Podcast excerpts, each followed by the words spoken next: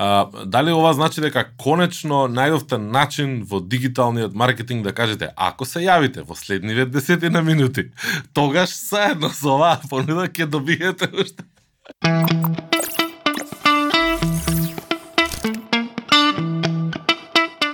Добро вечер, добро утро или добар ден. Ја започнуваме 89-та епизода на Комкаст. Намерно да започнав со добро вечер, затоа што, нели, искуството вели дека најчесто не слушате навечер залегнати дома на својот мобилен телефон, најчесто залепени за YouTube. Ова е 89-то издание и ако не се лажам за прв пат имаме гостинка која што мене ми причинува особено задоволство што е со мене денеска тука, затоа што е, е лидер, е, дел од тимот кој што јас безрезервно со години назад секогаш го посочувам како еден од најдобрите тимови за дигитал маркетинг што во Македонија, затоа што меѓу првите почнаа да работат дигитал од А до Ш, од почеток до крај, да, да, да прават содржина, да мерат во измеѓу што се случува и на крај да, да следат продажба. Нешто што денеска за многумина би требало да биде секојдневие. А, тие беа некои, да речеме, од пионерите на нашиот пазар, како компанија кој што, кој што почнаа тоа да го работат. Ана, добар ден, добро вечер, што и да Добро вечер, што и да добар ден. А, Ана ни доаѓа од студио Модерна, вака една лична карта, дозволи ми ако сакаш ја, ако сакаш ти. Повели. А, сега си одговорна за два пазари, за македонскиот пазар и за соседен бугарски пазар во делот на дигитален маркетинг. Ајде тогаш само на кратко воведине во твојата да речеме професионална животна историја за дигитален маркетинг и студио Модерна. За оние кои што не знаат студио Модерна е всушност Топшоп. да, Топшоп, Дормео, Делимано, Вукмакс, сите тие ваши омилени брендови со најдобри цени во секое време. Ох, историјата е долга. 15 години веќе започнав со една лендинг страничка за Power Juicer на времето со Джек Лален, сигурно памтите. А денеска тоа се а, многу брендови, многу производи, и илјадници производи, два пазари и огромни таргети за продажба што треба да се постигнат. А, како се движеше ако се обидуваме се обидам да те натерам да го сублимираш развојот и улогата на дигиталниот тим и дигиталниот маркетинг во а, студио Модерна а, и со сите незини брендови. Как, како може да го поделиме по фази, да речеме таа некоја прва фаза што се очекуваше, што правевте, па нешто измеѓу што е денеска, какви се очекувањата и, и, и да речеме стратегиите денеска? А, значи, како што спомнав, почетоците беа многу скромни, со еден, два производи, а, се се базираше на поставување на Google Search а, кампањи и практикување на имейл маркетинг, значи тоа ни, ни беа приоритетите.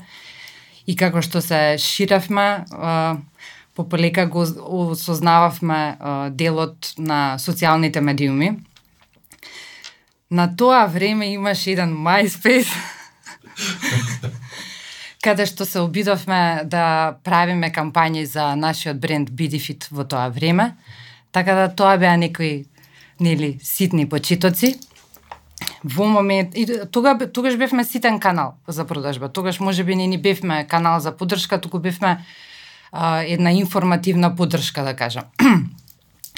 Сега сме огромен канал за за поддршка, но и за продажба. А, во моментов нема нешто на интернет што не правиме. Почнувајќи од содржини до развивање на нови канали на комуникација и на продажба. Имаше еден период, ако јас добро од моја перспектива следам, каде што контент маркетинг и собствени сајтови, брендови, апликации, се што пробувавте да, да работите. Дали сега јас не следам или малце тоа е понастрана или имате други проекти кои што може би мене ми изгледаат различно од тогаш. Значи се сеќавам на мои рецепти, се сеќавам на за за она джусерот исто имаше уште некој друг бренд, друг сајт и така натаму соновникот исто така за за Дормео како апликација мене ми стои уште во, во глава. Дали тоа беше нека средна фаза на трансформација до ова што се денеска, дали и тогаш бевте класично продажно ориентирани или а, денеска е веќе тоа многу поусовршено?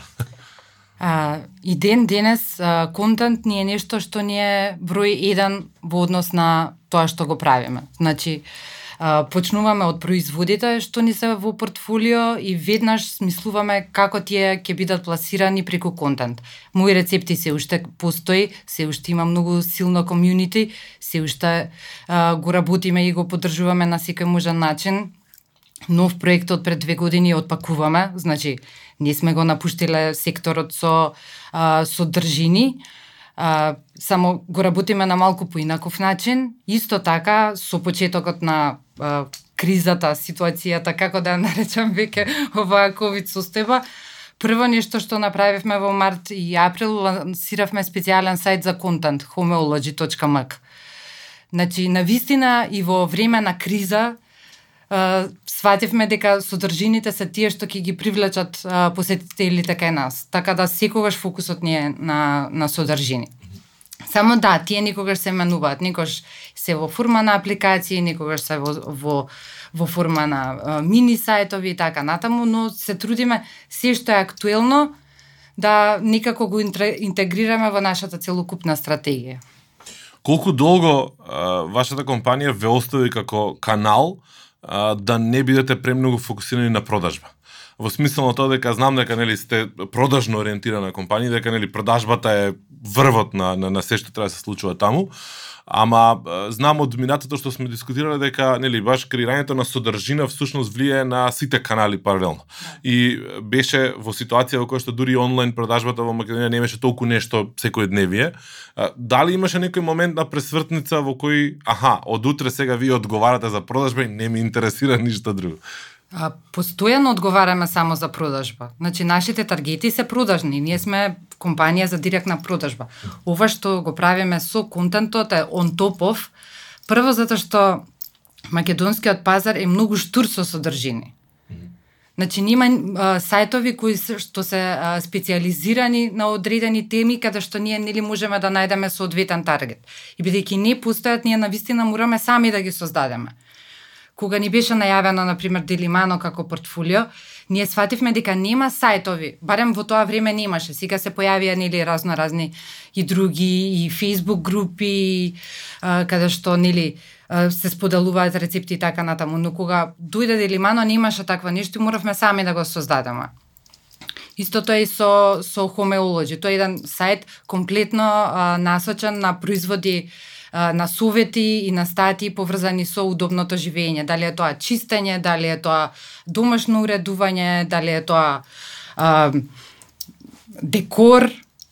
Значи специализиран сајт тукму за да го направи секојдневието подобно. Колку често се случува во меатото да а, луѓе, посетители или корисници, да ги кажем, на таа содржина, а, кога ќе сватат дека стои а, нели бренд позади тоа, да реагираат позитивно, негативно или да променат малце однос. Колку сте имале такви искуства до сега во содржината? Не сме имале непријатни искуства. Дури се изненадени позитивно дека ние сме нели нели тие. Јас често ги спомнам како примери некои од тие и многу почесто ми се случува реакцијата, еј стварно тие се нивно е ова кој не сум знаел. Мислам што во основа предпоставувам дека е успех затоа што тоа значи дека содржината а, не е, е направена под влијание на, на, на работите што вие сакате да им ги продадете. А фактот дека ги одржувате всушност покажува дека имаат ефект во во тоа што го треба да го постигнат. Да. Нас не е многу јасно што е содржина, а што е а, продажен материјал. Значи, што е материјал што ние би го користеле за адвертайзинг. И многу убаво ни се поделени тие нешта, така да а, нашите содржини одговараат и на други брендови. Така, например, сме имале многу соработки со други брендови на сајтот на мои рецепти. Бидејќи, нели, не било присуството на Делимано толку нападно и секогаш дозволувало а, да сме дозволували партнерските брендови да дојдат до израз. Така да ја имаме направено таа. Дали внатрешно во тимот постои постои поделба кој е одговорен за содржина, кој е одговорен за не знам промоција, за производи и така натаму? А, да, имаме контент менеджер, но сепак се креираме заедно како тим. Значи се работи за еден многу мал тим од пет души заедно со, со мене но многу долго сме заедно. се работи за луѓе кои се експерти во, во својата област и кои се навистина многу, многу посветени на тоа што го прават, така да некако убава хемија има меѓу нас и заедно работиме на се. Без разлика дали се работи за имейл кампања или се работи за некоја контент кампања што не е поврзана со продажбата, сите заедно ја ко креираме и мислам дека затоа сме толку успешни. А, кои канали од сегашна гледна точка, ајде да се обидеме се уште да не ја отвориме нели темата COVID и, и нели ново настаната ситуација. А, од искуство и од бројки ваши, ако може да одвоиме канал 1, 2, 3 кој што да, или да ги изрангираме, кои се поефективни, поисплатливи, по паметни да се употребуваат а, нели во ваше во од вашето искуство. Како би ги подредиле? Прво ќе го кажам тој што не функционира. Ајде, може. Не, не реков ја дали од најдобро кон најлош. Само да ги подредиме. А, дисплеј на работи. Добро, расипан. расипан дисплеј на работи. Значи, а, во нашата аналитика се Google со, со Search и Organic и а, Facebook, односно социјалните медиуми Facebook и Instagram подетно. Значи, тие ни носат најмногу во смисла најмногу посети, најголем engagement, најмногу uh, ревењу. Uh, имейл маркетингот е застапен со околу 5 до 10 проценти во самата продажба, но многу зависи од кампањи, понуди, комуникација внатрешна во, во самата имейл кампања и така натаму. Значи не е нешто константно што што носи и можеш нели да да сметаш во секој момент на на одреден ревењу таму, туку е сепак нешто што кампањски знаеш кога кога што ќе донесе. Ние го работиме и како контакт многу а, имейлот, значи испраќаме редовно електронски магазини и така натаму нели што ни се за да ја одржиме интеракцијата со со купувачи, не не нели не само да да да правиме пуш на, на продажбата. И дисплеот што не работи. А, добро, а, ги спомна и Google и Facebook и некако да. се обидуваше да ги израмниш, пошто предпоставувам дека во зависност од кампања, во зависност од производ, во зависност од фаза, кој за која фаза, да речеме, од ваше искуство ви одговара повеќе? Um, како да ти кажам, во кога сме во почетна фаза на, на кампања, кога се работи за, за тизер кампања и така натаму, Фейсбукот е секогаш најбрз а, на реакција. А, на Google реагираат а, многу фактори. Значи, она што се случува на Google Search зависи од тоа што имаме на социјалните медиуми, што што се случува на телевизија, нели ние сме компанија со а, различни канали продажни и маркетиншки. Така да Google секогаш одговара на, на, на сите влијанија. Но сепак носат тука некаде. Значи тие се главни. Од Google не би можеле никогаш да се откажеме, бидејќи го сакаме. Добро. Е сега, носат тука некаде. Носат тука некаде во вкупно ревењу, во а, трошок наспроти платени пари за реклама или вкупно, нели, пошто SEO и така, но тоа не е толку сериозна приказка, овде не е толку тешко. А, или носат едноставно како, како нели, продажби XY заедно еднакво. А, во продажбата се тука некаде, а, например, ако ги поделиме нели 50-50 би кажала дека Facebook носи 60, Google носи 40. Ама од друга страна ние многу повеќе вложуваме а, на Facebook. Значи CPO-то таму ни е повисок. Но од друга страна Фейсбукот бидејќи во самиот а, аналитик на во самата аналитика на Facebook можеме да видиме дека многу влие и на а, ритейлот значи на тоа што се случува во нашите продавници, така да многу ни е важно да сме што поприсутни таму. Исто така, извини, бидејќи сигурно ова сакаш е, да го знаеш, она што се случува на Facebook и она што се случува на Instagram, а дополнително влие на еден нов канал на продажба што го раз, развивме, а тоа е чет комерцот, кој расте се повеќе и повеќе. Го пушнавме во 2012 од прилика така скромно, но сега станува сериозен а, канал кој а, некаде на, на исто ниво и со бројот на повици што ги добиваме нели телефонски, нарачките направени на тој начин и исто така а, нарачките што се прават директно на сајт. Оно што можеме да го видиме дека сме нација што многу сака да четува. Цена инбокс. Да.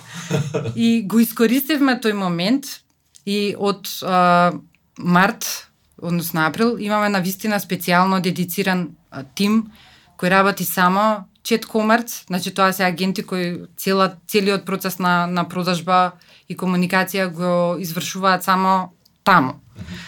Така да, а, да, вложувањата во Facebook се поголеми, ама носат нели на, на, на различни начини. А, супер, цена инбокс синдром кој што очигледно сили сериозните компании во Македонија, јас го имав тоа во еден панел на на минат пред две недели на конференција за за електронска трговија и испадна истиот тој муаве дека не може да си го да речеме дозволат да го пропуштат на тој момент. А, но нити во вашиот случај, ако добро разбирам, нити во нивниот случај, тогаш се истакна моментот на некаков тип на автоматизација. Во смисла, дали вие користите некакви чатботови, некакви фанели, некакви алатки во позадина кои што а, и покрај нели желбата на нашите а, нашата публика да влезе еден на еден во комуникација, а, гледате да го автоматизирате на некој начин тој тој а, пристап таму. А, Имаме автоматизација, користиме чатботови, но свативме дека тие се во ред за користење во кратки секвенци, односно кратки кампањи, дали е тоа некаков lead generation кампања или нешто слично или некоја брза продажба.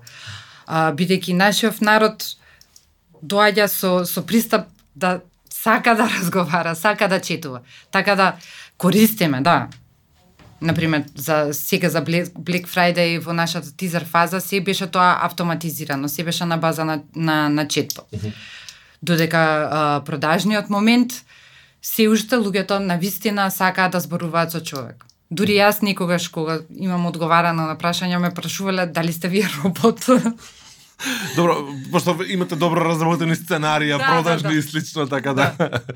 А, да, интересно се согласувам дека народот сака да разговара. Меѓутоа се обидов изминативе неколку недели онака да да детектирам на што се должи делумно тоа и а, можеби не конкретно кај вас или кај кај сите а, онлайн продавачи или продавници, меѓутоа генерално сметам дека а, имаме недоверба кон другите канали а, затоа што имаме лоши искуства корисници.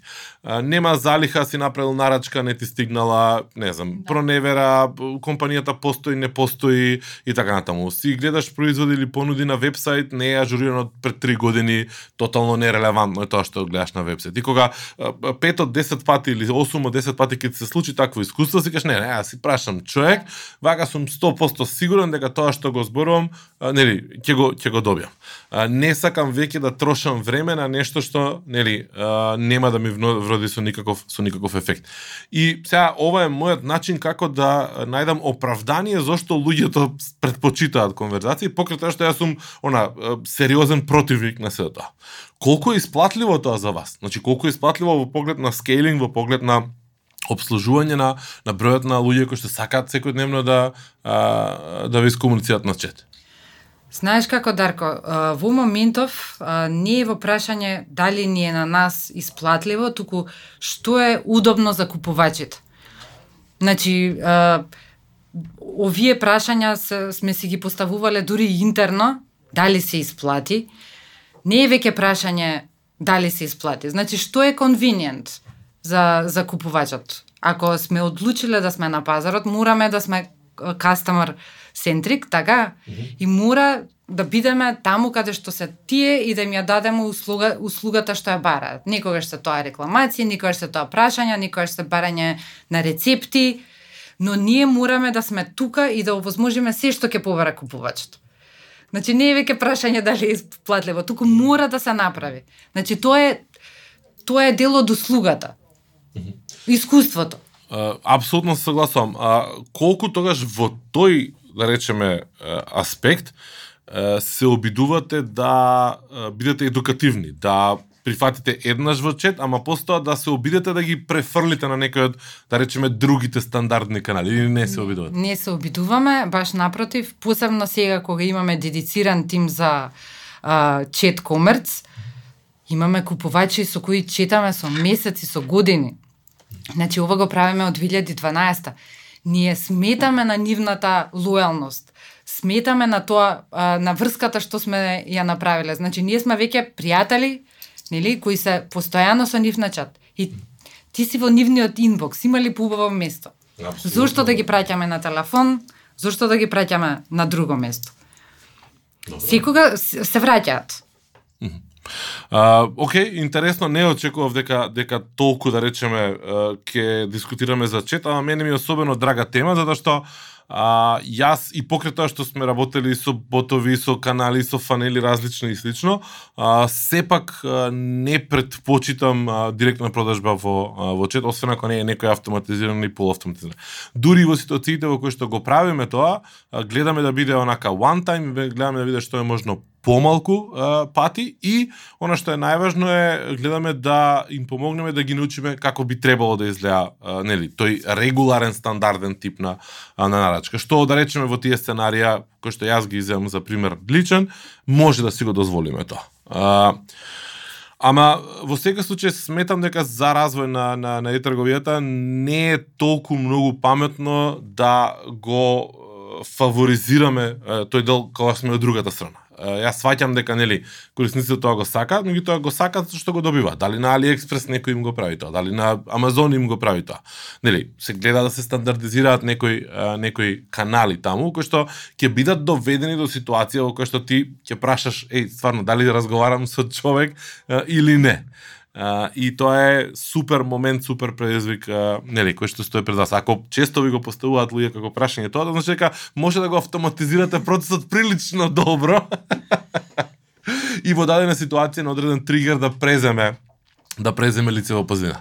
Uh, ајде сега да дојдеме на моментот кој што мене конкретно ме инспирираше да те е, викнам и да го правам мојот, затоа што и покрај тоа што ве следам и, и гледам што се правите, е, Black Friday е лудило само по себе, помина жива среќа, позади нас се сега чека друго лудило и така натаму. Black Friday е тогаш и Black Friday е сега.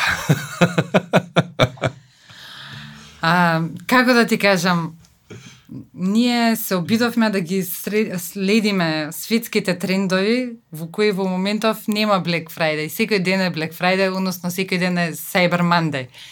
Затоа ја почнавме кампањата многу порано од предвиденото, бидејќи на купувачите веќе се едно им е кој ден е. Она што го барате добра понуда и тоа е тоа. Така да порано Black Friday имаше едно значење, Cyber Monday имаше друго значење, сега се е префрлено на интернет и се бараат само добри понуди. Така да ние влеговме со со со сите расположливи сили, фул и ги искористивме на на мислам најдобар можен начин. А, очигледно, глобално, не само тука, а, понуда и цена и, и, и чувството дека леле сега си заштедил е нешто што не води сите нас да, да купуваме.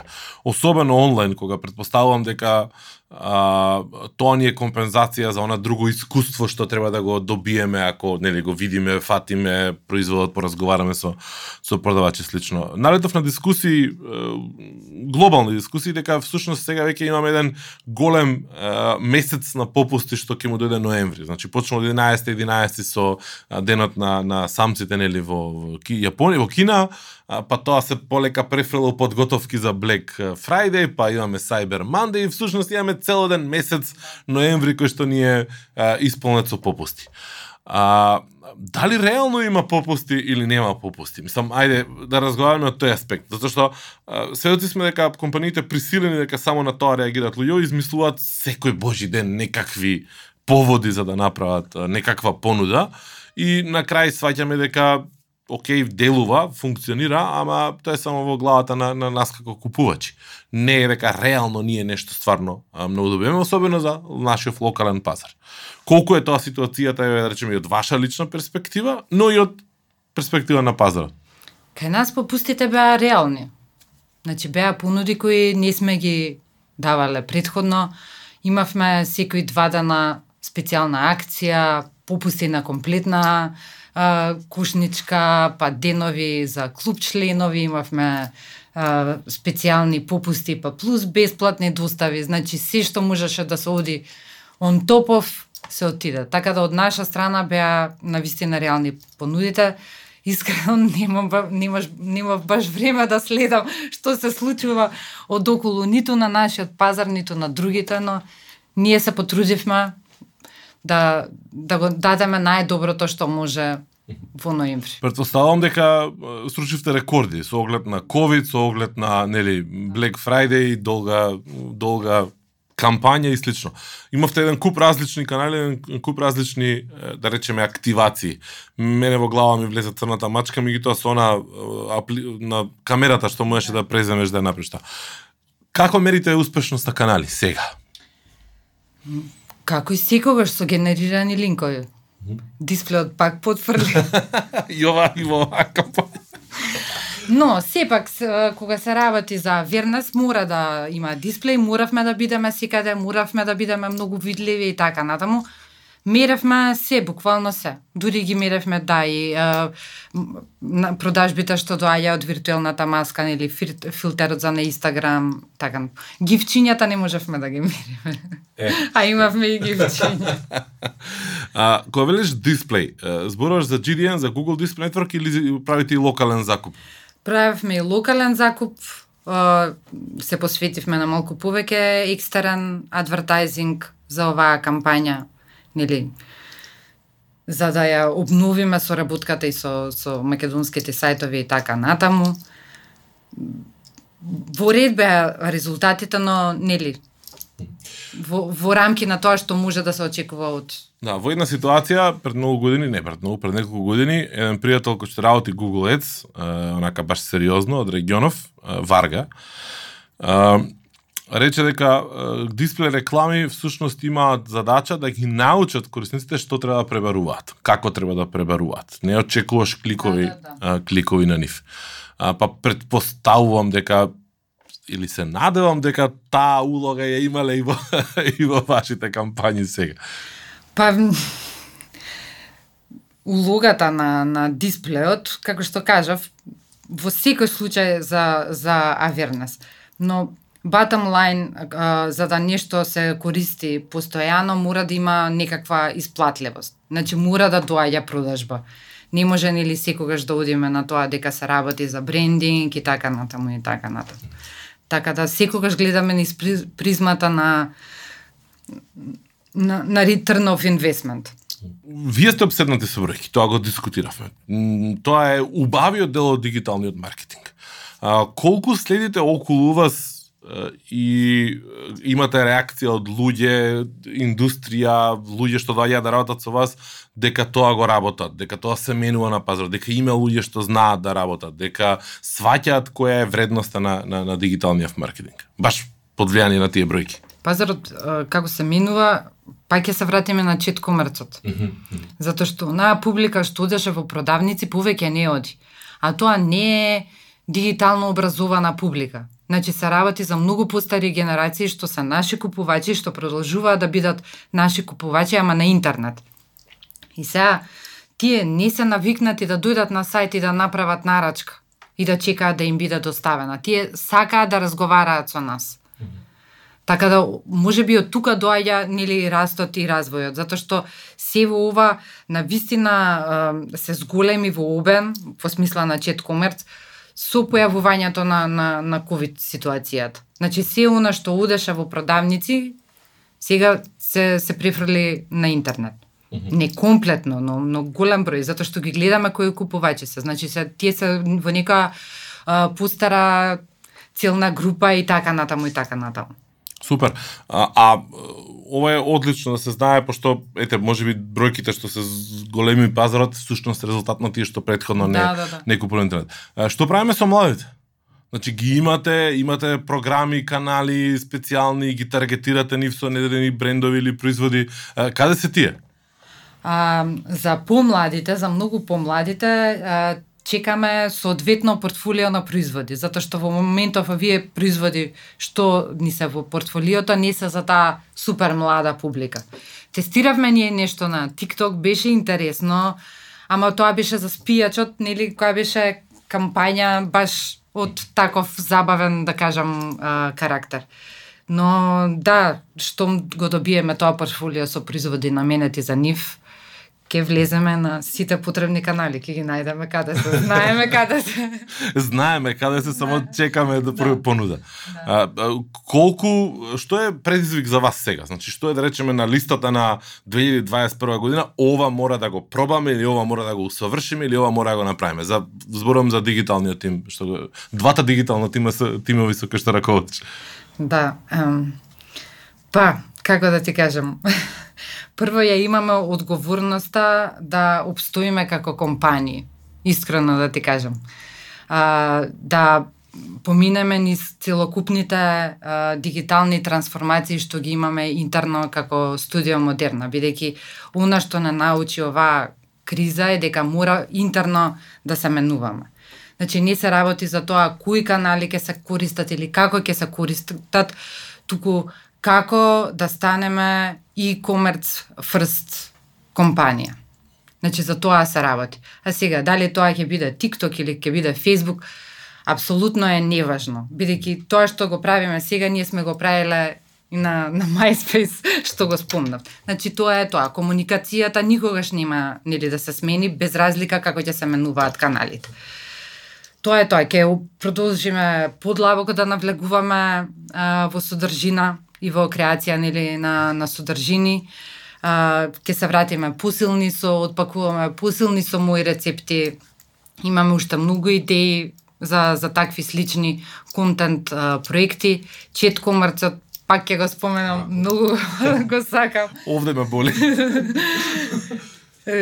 си го тераме така да тоа е тоа е една таква таква визија. Да да да правиме се што е а, удобно за за купувачите. А, да бидете e-commerce фокусирана компанија, односно да биде број еден во, во, во целиот тој, да речеме, стратешки пристап, е одлука или желба на дигиталниот тим или на, на, на, на раководството in general? На, на целокупната, а, на целокупниот студио модерна систем. А, дали во некои различни пазари, пошто оперира студио модерна колку 20 21 држава, 21 држава а, дигиталниот тим е понапред или поназад и таа трансформација е ке нив понапред или поназад него тоа што го имаме тука и во Бугарија, например, каде што има шувите?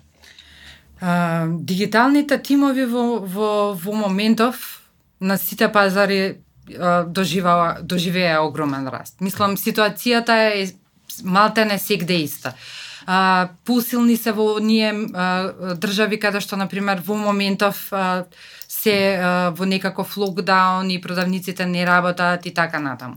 Но никаде не стагнира интернет како продолжен канал.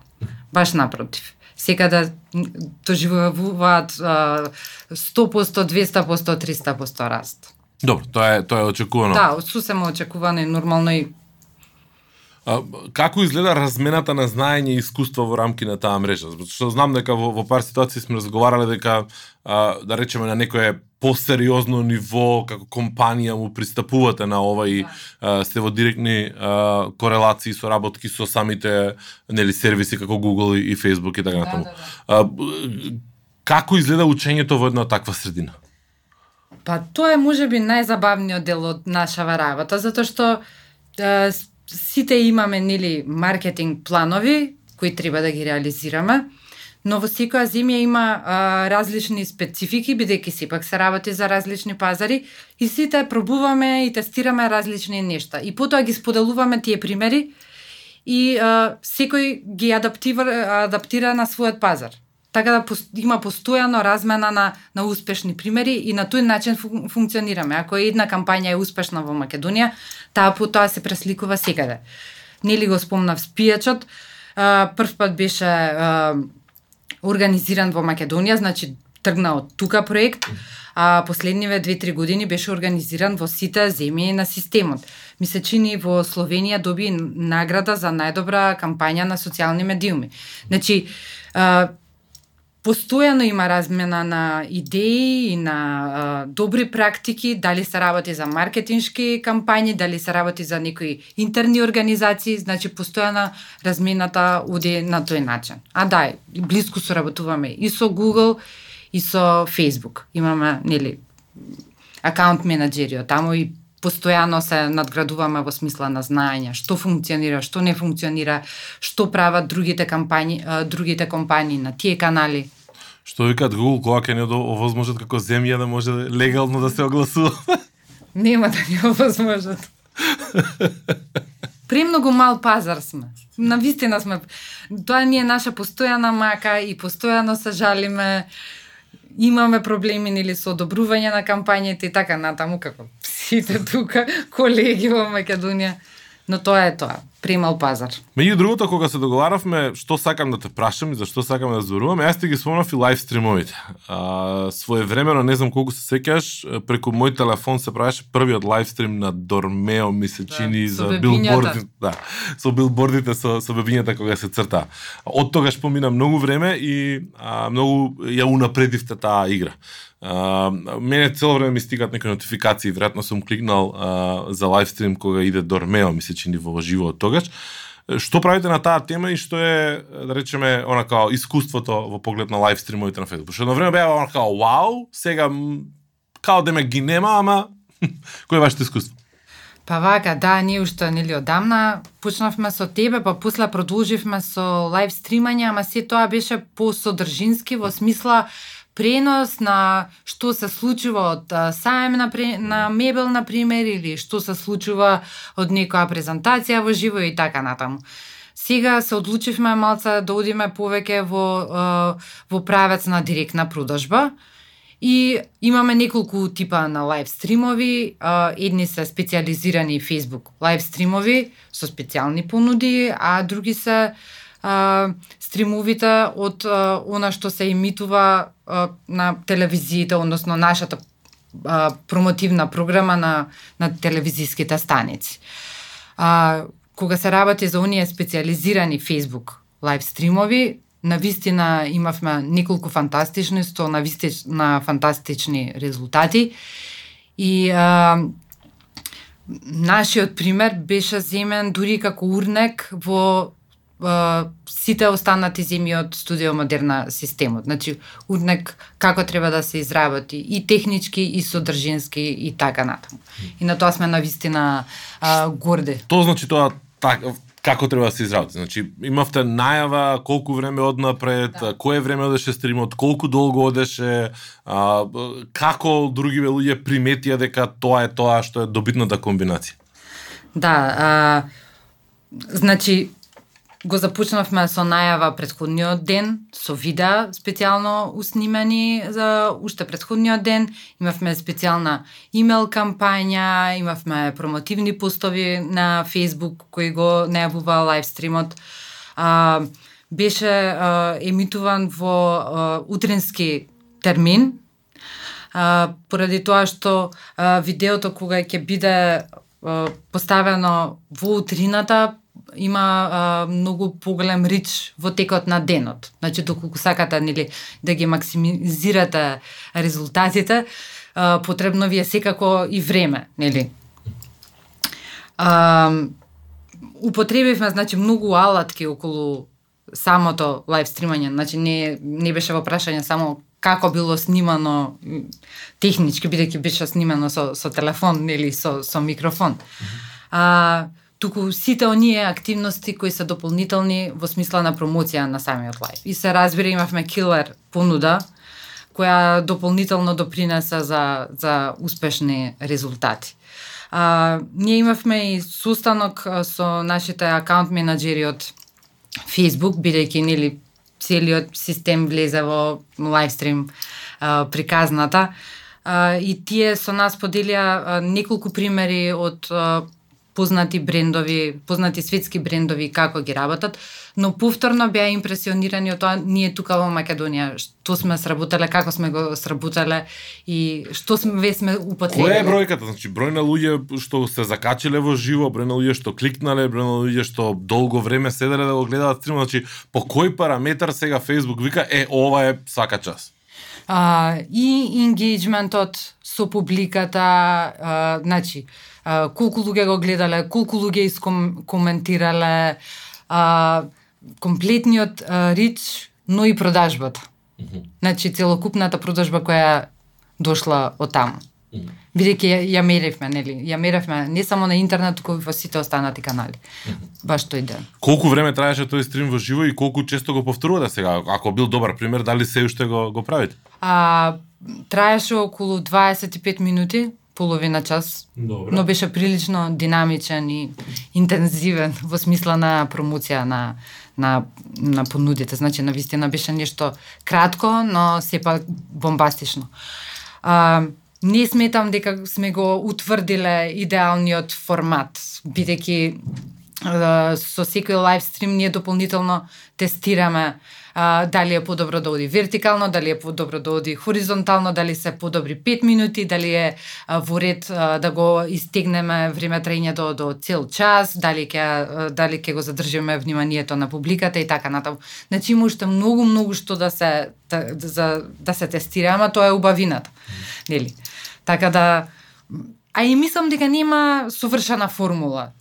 Добро. треба да си присутен и да, да ги правиш нешто. Се согласувам, мислам експериментирањето е основната појдовна појдовна премиса, меѓутоа и навики навиките на корисниците се менуваат. Да. Значи, не знам, ако може би во некој дел од денот повеќе сме на на на компјутер, на десктоп, некој дел сме на телефон и така натаму, па тука влие и должина и се.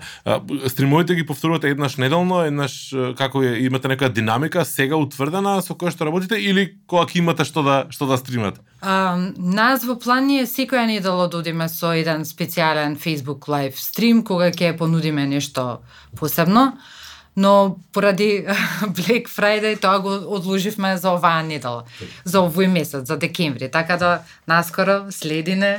Така, така. А добро, уште едно прашање за што ми беше беше супер пример за Facebook. А, на првиот стрим онака као you nailed it или ви требаше 3, 4, 5, 6 за да ве препознае Facebook и мрежата ваша и слично? На првиот, ама пак ќе кажам, ние а, тие нешта сме ги правеле, ама сме ги правеле во смисла на на форсирање на контент, не форсирање на, на, на понуда. Значи, се ни беше од околу познато, знаевме како да ја донесеме публиката баш во тој момент да го гледа лайвстримот. Бевме вешти да го направиме тоа. Само што ни требаше таа баш пон... понуда. А, дали ова значи дека конечно најдовте начин во дигиталниот маркетинг да кажете ако се јавите во следниве десетина минути, тогаш заедно со оваа понуда ќе добиете уште Да, ама тоа нас не е филозофија 25 години, не ни е нешто. Јасно. Да. Значи, мене ми е совршено јасно. Јас се обидувам да, да не објаснам и на студентите мои, кога им предавам дека, а, нели, а, тие се работите на кои што реагираме ние како луѓе. Ти ако каналот е различен, не значи дека различно ќе реагирам на пораката, значи ми треба итност. Јавете се во следниве 10 минути е форма на итност, ме сакате. Е сега вие сте нашле начин како да го во вашата оригинална, да речеме, иденти, идентификацијска форма да го ставите на на интернет. А, да, каунтери се исто така многу успешни. Сме пробувале дури со уснимено видео од 5-6 часа да го постираме а, на Facebook, да одбројува на назад до крај на понуда и сегогаш последните 5 минути биле нај-најуспешни во смисла на, на продажба. Супер. Добро, тие се тие онака као те, ситни трикови кои што не може толку лесно да седнеме и да ги дискутираме цел ден, ама се провлекуваат и излегуваат баш супер. Сега ми се мене хит оние каунтери на вебсајтови, типа уште толку и толку минути имаш да се регистрираш, да не знам, отвараш нов браузер, нов прозор, поново ти број и така. Ама се наоѓаме сите во ситуација во која што сме да. ја закачиле јадицата. Uh, добро, ајде на крај, може би, ако ти текне, ти текне, ако не ќе одјавам без тоа да ти текне. Uh, од кој паз, со кој пазар од овие со кои што ти работиш и имате увид во смисол на во мрежата, Македонија најмногу влече сличности и може да ги поврземе као понака, баш по некои, може би, чудни параметри на однесување во поглед на диджитал маркетинг.